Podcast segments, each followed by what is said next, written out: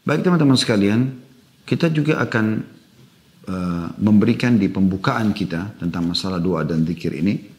Kalau seandainya Anda punya seorang teman yang setiap saat dia selalu standby untuk mendengar keluhan dan apa pun yang kita ingin sampaikan.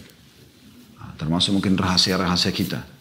Dan kita merasa orangnya sangat bijaksana, sangat dewasa. Dia punya waktu yang dia luangkan untuk kita. Jam berapapun kita telepon, dia siap dengarkan, dia siap memberikan solusi-solusi.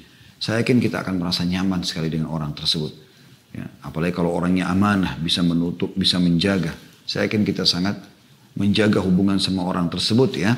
Nah, ini mungkin Anda bisa temukan dalam hidup Anda ada orang-orang yang memang sangat setia dengan Anda gitu.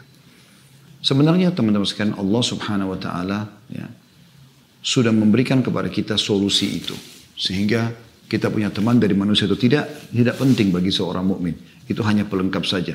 Karena Allah sebagai wali orang-orang beriman. Dia akan setiap saat mau mendengarkan keluh kesah kita. Tanpa ada perantara, kita langsung bisa berdoa kepadanya.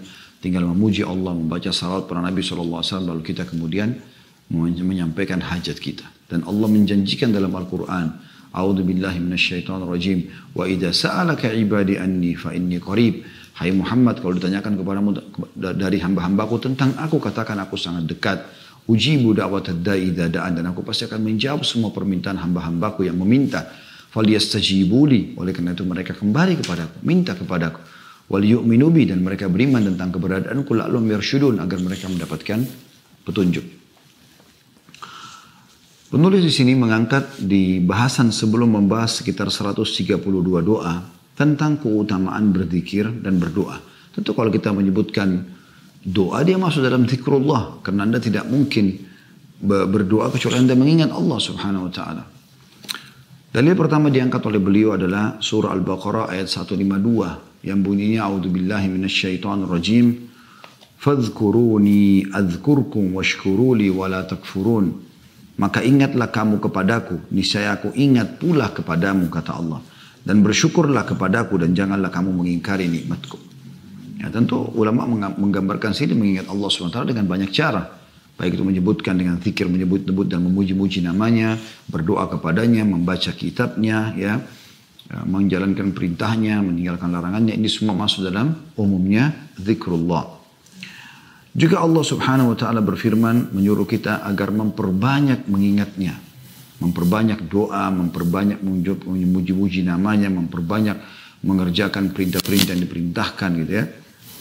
Dalam surah Al-Ahzab ayat 41, A'udzu billahi minasyaitonir rajim. Ya ayyuhalladzina amanu dzkurullaha dzikran katsira. Hai orang-orang beriman berzikirlah, mengingat dan menyebut Allah lah dengan zikir yang sebanyak-banyaknya. Dan sebagian ulama mengatakan di antara ibadah-ibadah yang Allah Subhanahu wa taala perintahkan yang umumnya dihubungkan perintah ibadah itu dengan kata-kata kathira atau banyak itu adalah zikir. Itu adalah zikir. Kita diperintahkan puasa ya tapi tidak diikutkan dengan puasalah yang kathir, yang banyak atau sholatlah yang banyak misalnya. Tapi zikir selalu diikutkan dengan bahasa atau kalimat atau kata-kata kathir. Memang tadi surah Al-Ahzab 41, hai orang beriman berzikirlah kepada Allah, zikron kathira, zikir yang banyak. Juga Allah menyebutkan dalam surah Al-Ahzab ayat 35. Surah Al-Ahzab ayat 35. Ini kalau Anda buka di Al-Quran ya.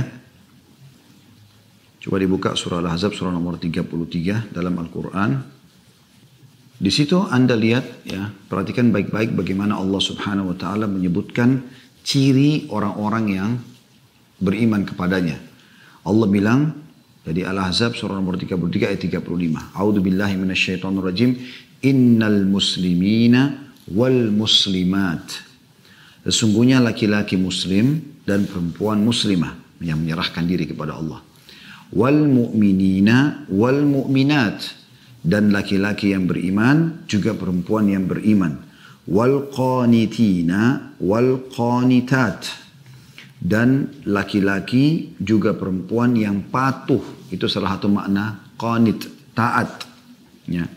Wassadiqina wassadiqat dan laki-laki yang jujur juga perempuan yang jujur. Ya.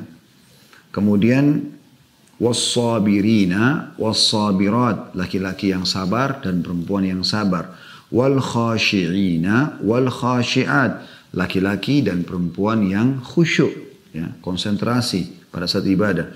Wal mutasaddiqina wal mutasaddiqat laki-laki dan perempuan yang suka bersedekah. Wassaimina wassaimat laki-laki dan perempuan yang suka berpuasa. Wal hafidhina furujahum wal hafidhat dan laki-laki dan perempuan yang menjaga kemaluannya dari perbuatan yang haram. Ya, kemudian Allah sebutkan di saksi bahasan kita Allah perhatikan ada kata-kata di situ kathiran wadzakirat dan laki-laki juga perempuan yang banyak berzikir kepada Allah. A'addallahu lahum magfiratan wa ajran azima. Allah telah menyediakan bagi mereka ampunan dan pahala yang besar. Perhatikan Kata-kata di atas tidak dihubungkan dengan kata-kata kathir. Seperti misalnya al wal mutasaddiqina wal mutasaddiqat, laki-laki dan perempuan yang suka bersedekah. Tapi Allah tidak katakan ada banyak. Begitu juga dengan puasa. Tapi khusus zikir Allah subhanahu wa ta'ala datangkan ya, dengan kata-kata kathir. Kemudian juga Allah subhanahu wa ta'ala menyebutkan teman-teman sekalian, beliau mengangkat dalil istilahnya surah Al-A'raf ayat 205. Surah Al-A'raf ayat 205. A'udzu billahi minasyaitonir rajim. واذكر ربك في نفسك تضرعا وخيفة ودون الجهر من القول بالغدو والآصال ولا تكن من الغافلين Dan sebutlah nama Rabbmu dalam hatimu dengan merendahkan diri dan rasa takut dan dengan tidak mengeraskan suara di waktu pagi dan petang dan janganlah kamu termasuk orang-orang yang lalai. Allah subhanahu wa ta'ala menyuruh kita, menyuruh kita berzikir, menyebut nama-namanya dan juga berdoa kepadanya. Membaca kitabnya. Sebutlah nama Rabbmu dalam hatimu dengan merendahkan hati. Di, merendahkan diri dan juga rasa takut, takut akan siksaannya. Dan dengan tidak mengeraskan suara, tidak teriak-teriak sana sini. Ya, karena Allah SWT maha mendengar. Di waktu pagi dan petang, jangan pernah luput. Selalu berzikir dan berdoa kepada Allah. Dan jangan kamu termasuk orang-orang yang lalai. Rasulullah SAW bersabda setelah menyebutkan beberapa ayat, beliau mengangkat hadis hadis Nabi alaihi salatu wassalam dimulai dengan hadis Bukhari jadi dua halaman 208 yang bunyinya kata Nabi SAW mathalul ladhi yadhkuru rabbahu wal ladhi la yadhkuru rabbahu mathalul hayyi wal mayyit Perumpamaan orang yang berzikir atau mengingat dan menyebut Robnya dibandingkan dengan orang yang tidak berzikir atau mengingat dan menyebut Robnya adalah seperti orang yang hidup dibandingkan dengan orang yang mati. Dan dalam lafadznya iman muslim, kalau teman-teman sudah ada yang pegang bukunya di halaman 3 ya, di footnote nomor 1, itu bunyinya mathalul baitil ladzi yuzkarullahu fihi wal baitil ladzi la yuzkarullahu fihi mathalul hayyi wal mayyit. Perumpamaan atau perbandingan antara rumah yang di dalamnya Allah diingat dan disebut dengan rumah yang di dalamnya Allah tidak diingat dan disebut adalah seperti perbandingan antara orang yang hidup dan orang yang mati. Jadi bayangkan bagaimana Nabi SAW menggambarkan orang yang sering misalnya berdoa, berzikir ya ini menyebut-nyebut Allah subhanahu wa ta'ala. Berkeluh kesah dengan dia. Maka itu digambarkan dengan orang yang hidup. Sementara orang yang sama sekali tidak pernah mengingat Tuhannya baik dalam keadaan dia lapang, dia susah. Maka ini seperti orang yang mati. Artinya tidak berfungsi lagi. Seorang penyair mengatakan teman-teman sekalian, janganlah kau minta kepada manusia yang kalau kau minta kepadanya, yang kalau kau minta kepadanya, maka dia akan marah. Tapi mintalah kepada, seperti misalnya teman-teman kalau minta kepada seseorang misalnya bantuan. Sekali mungkin dia beri, dua kali dia beri, ketiga kali, kelima kali, ke sepuluh kali, ke lima puluh kali, ke seratus kali mungkin dia akan marah. Kata penyair ini jangan kau minta kepada manusia yang kalau kau minta padanya dia akan marah. Tapi mintalah kepada zat Allah yang kalau kau tidak minta justru dia marah. Allah subhanahu wa ta'ala, saudaraku seiman, kalau anda tidak berzikir, tidak berdoa,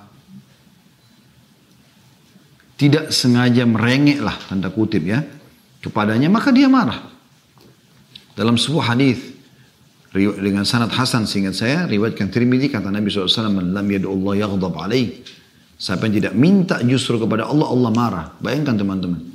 Kalau manusia beda sekali kalau kita minta terus malah dia akan marah tapi kalau Allah SWT justru kalau kita tidak minta maka dia akan marah dan Allah Subhanahu wa taala teman-teman sekalian akan memenuhi hajat Anda walaupun itu mustahil di mata Anda. Dan mungkin dalam sebuah kisah seorang salafus salih dulu Orang yang miskin, hidupnya pas-pasan, apa yang dia dapat hari itu itulah yang dia makan dengan istri dan anaknya. Dan istri anaknya pun bersabar. Ringkas cerita teman-teman, pernah satu hari dia pulang ke rumahnya, dia tidak dapat hasil apa-apa. Begitu tiba di rumah, sudah malam, istrinya tanya, apa ada hasil hari ini? Kata dia tidak ada. Saya sudah coba keliling sana sini menawarkan jasa untuk kerja, tidak ada sama sekali yang memberikan kepada saya pekerjaan. Maka saya tidak tahu lagi harus buat apa. Kata istrinya, tapi kita seharian belum makan nih. Lapar benar dari pagi sama anak-anak belum makan. Kata dia insya Allah setelah saya istirahat sejenak saya akan keluar lagi. Enggak cerita dia keluar lagi. Sudah malam, sudah tutup semuanya. Zaman dulu tidak kayak sekarang. Mungkin zaman dulu tuh selepas Isya udah nggak ada lagi orang yang luar lalang karena gelap gitu kan. Ya kayak kita sekarang justru penerangan di sana sini Masya Allah gitu kan. Nikmat Allah yang luar biasa melimpah pada kita sekarang. Yang jelas teman-teman sekalian, dia jalan, dia tidak tahu mau ke mana. Dia lewat ada semua masjid. Gelap juga, zaman dulu orang pakai obor gitu kan. Dia nyalakan obor yang dia mampu, nyala sedikit, lalu dia wudhu, dia sholat. Menghadap kiblat dia sholat. Dia memohon kepada Allah subhanahu wa ta'ala dengan penuh ketundukan hati, berharap Allah memberikan kepada dia rezeki sama istri dan anaknya yang sudah seharian belum makan gitu kan. Yang jelas teman-teman sekarang subhanallah di malam itu penguasa di wilayah itu gelisah nggak bisa tidur. Maka dia pun terdorong hatinya mengambil kurang lebih kalau seingat saya 20 kantong. Berisikan harta. Dinar-dinar emas. Dan dia bilang, ya Allah, aku malam ini nggak bisa tidur. Ini kata rajanya pada saat itu ya, atau penguasa di situ. Saya ingin keluar bersedekah di jalanmu ya Allah. Maka mudahkanlah aku untuk bersedekah pada orang yang tepat. Subhanallah, dia jalan, kata dikatakan dalam kisah ini, penguasa di wilayah itu pun mengatakan, saya tidak akan memegang tali kekangan kuda saya, Allah, saya akan membiarkan kuda ini jalan di mana tempat yang kau pandu. Ringkas cerita dia jalan, subhanallah, kudanya mampir di masjid yang tadi ada orang soleh yang miskin itu.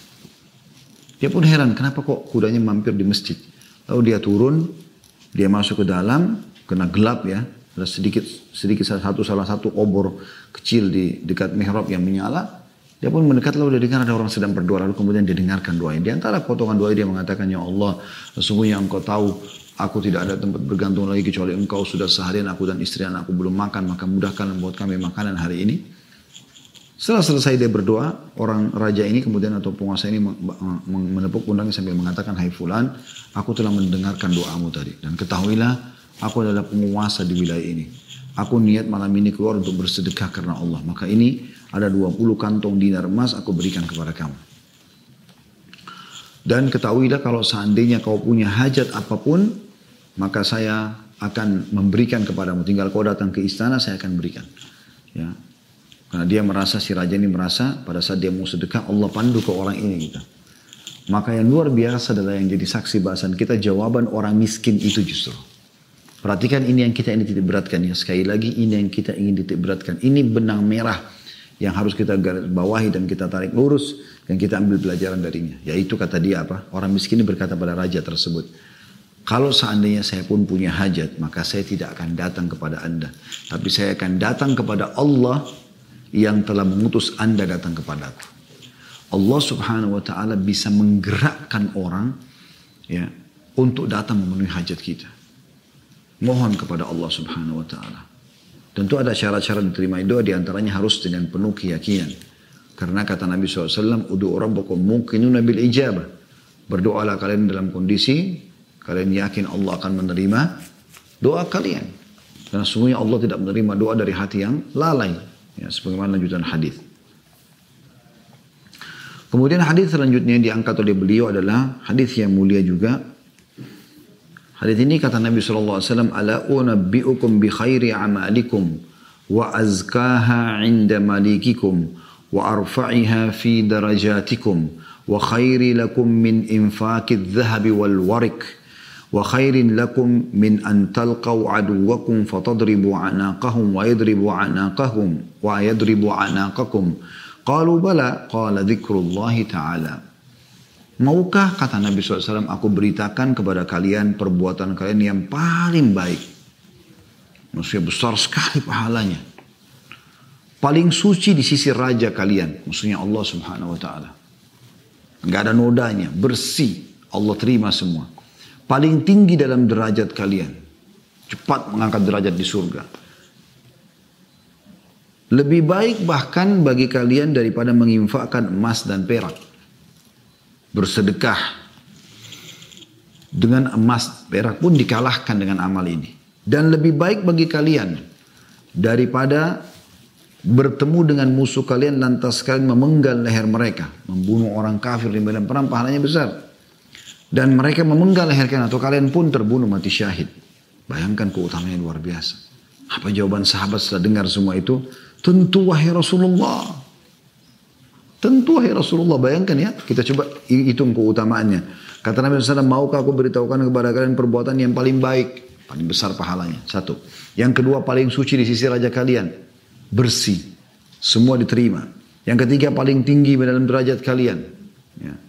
Yang keempat, lebih baik daripada kalian menginfakkan emas dan perak. Yang kelima, lebih baik bagi kalian daripada kalian bertemu dengan musuh kalian lantas kalian memenggal leher mereka atau mereka memenggal leher kalian. Lima keutamaan sekaligus.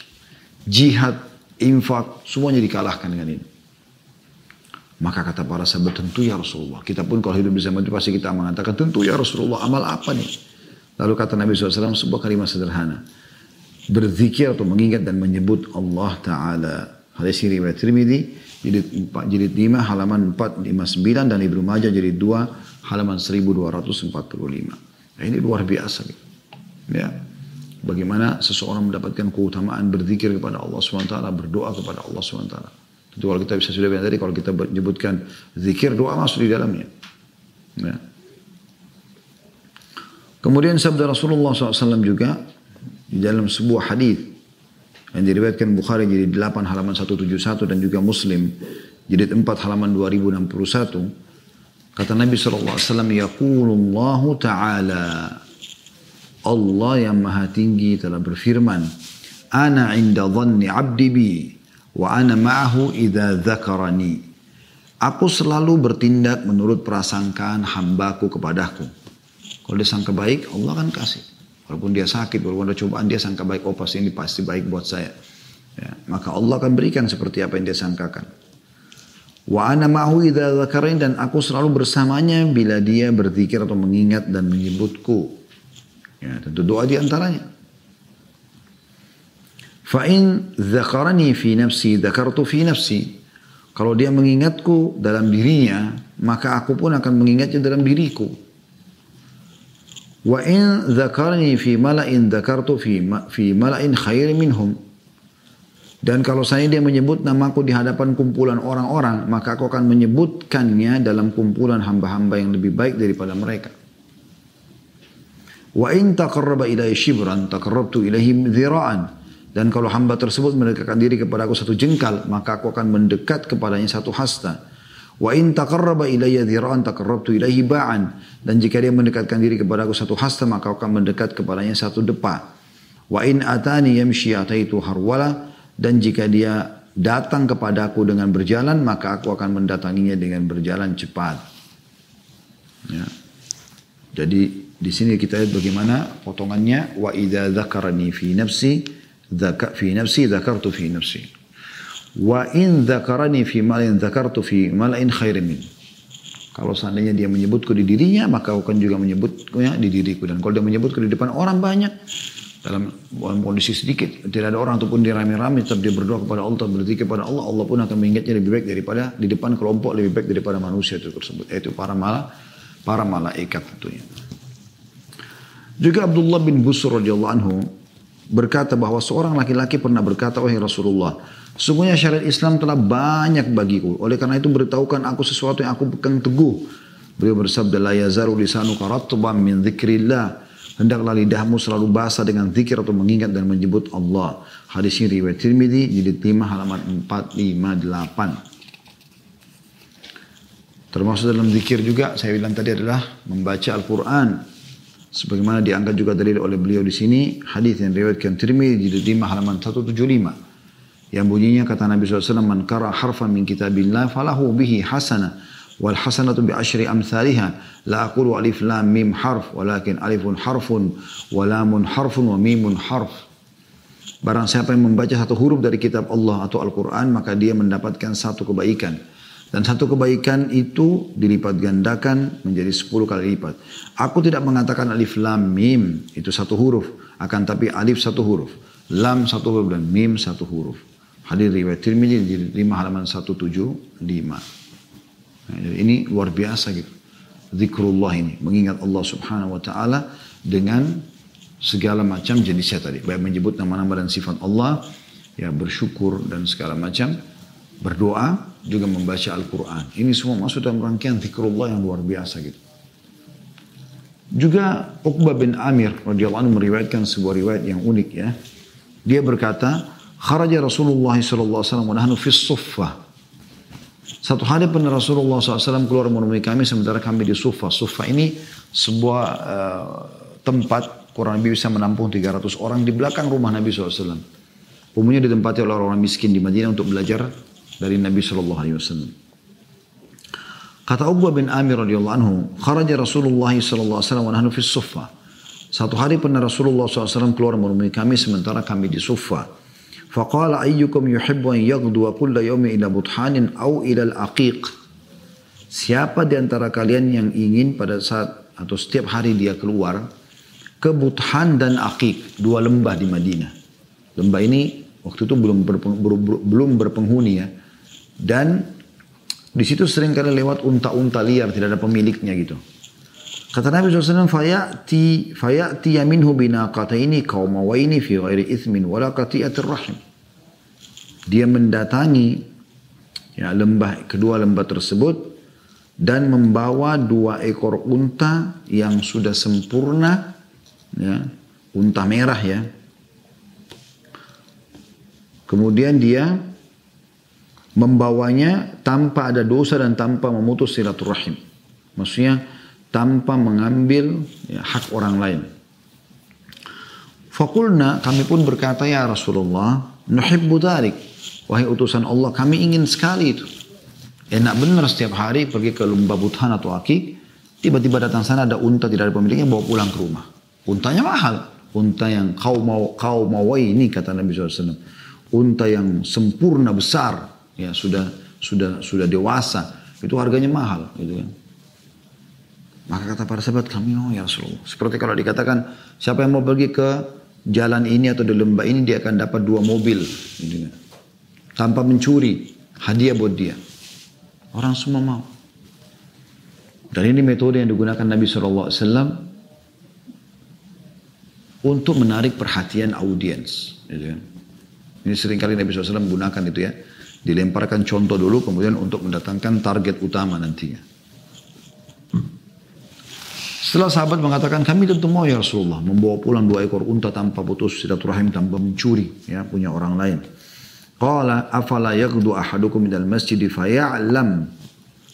Tidakkah seseorang dari kalian menuju ke masjid kemudian dia belajar au yaqra ayataini min kitabillah atau dia membaca dua ayat dari kitabullah Al-Quran.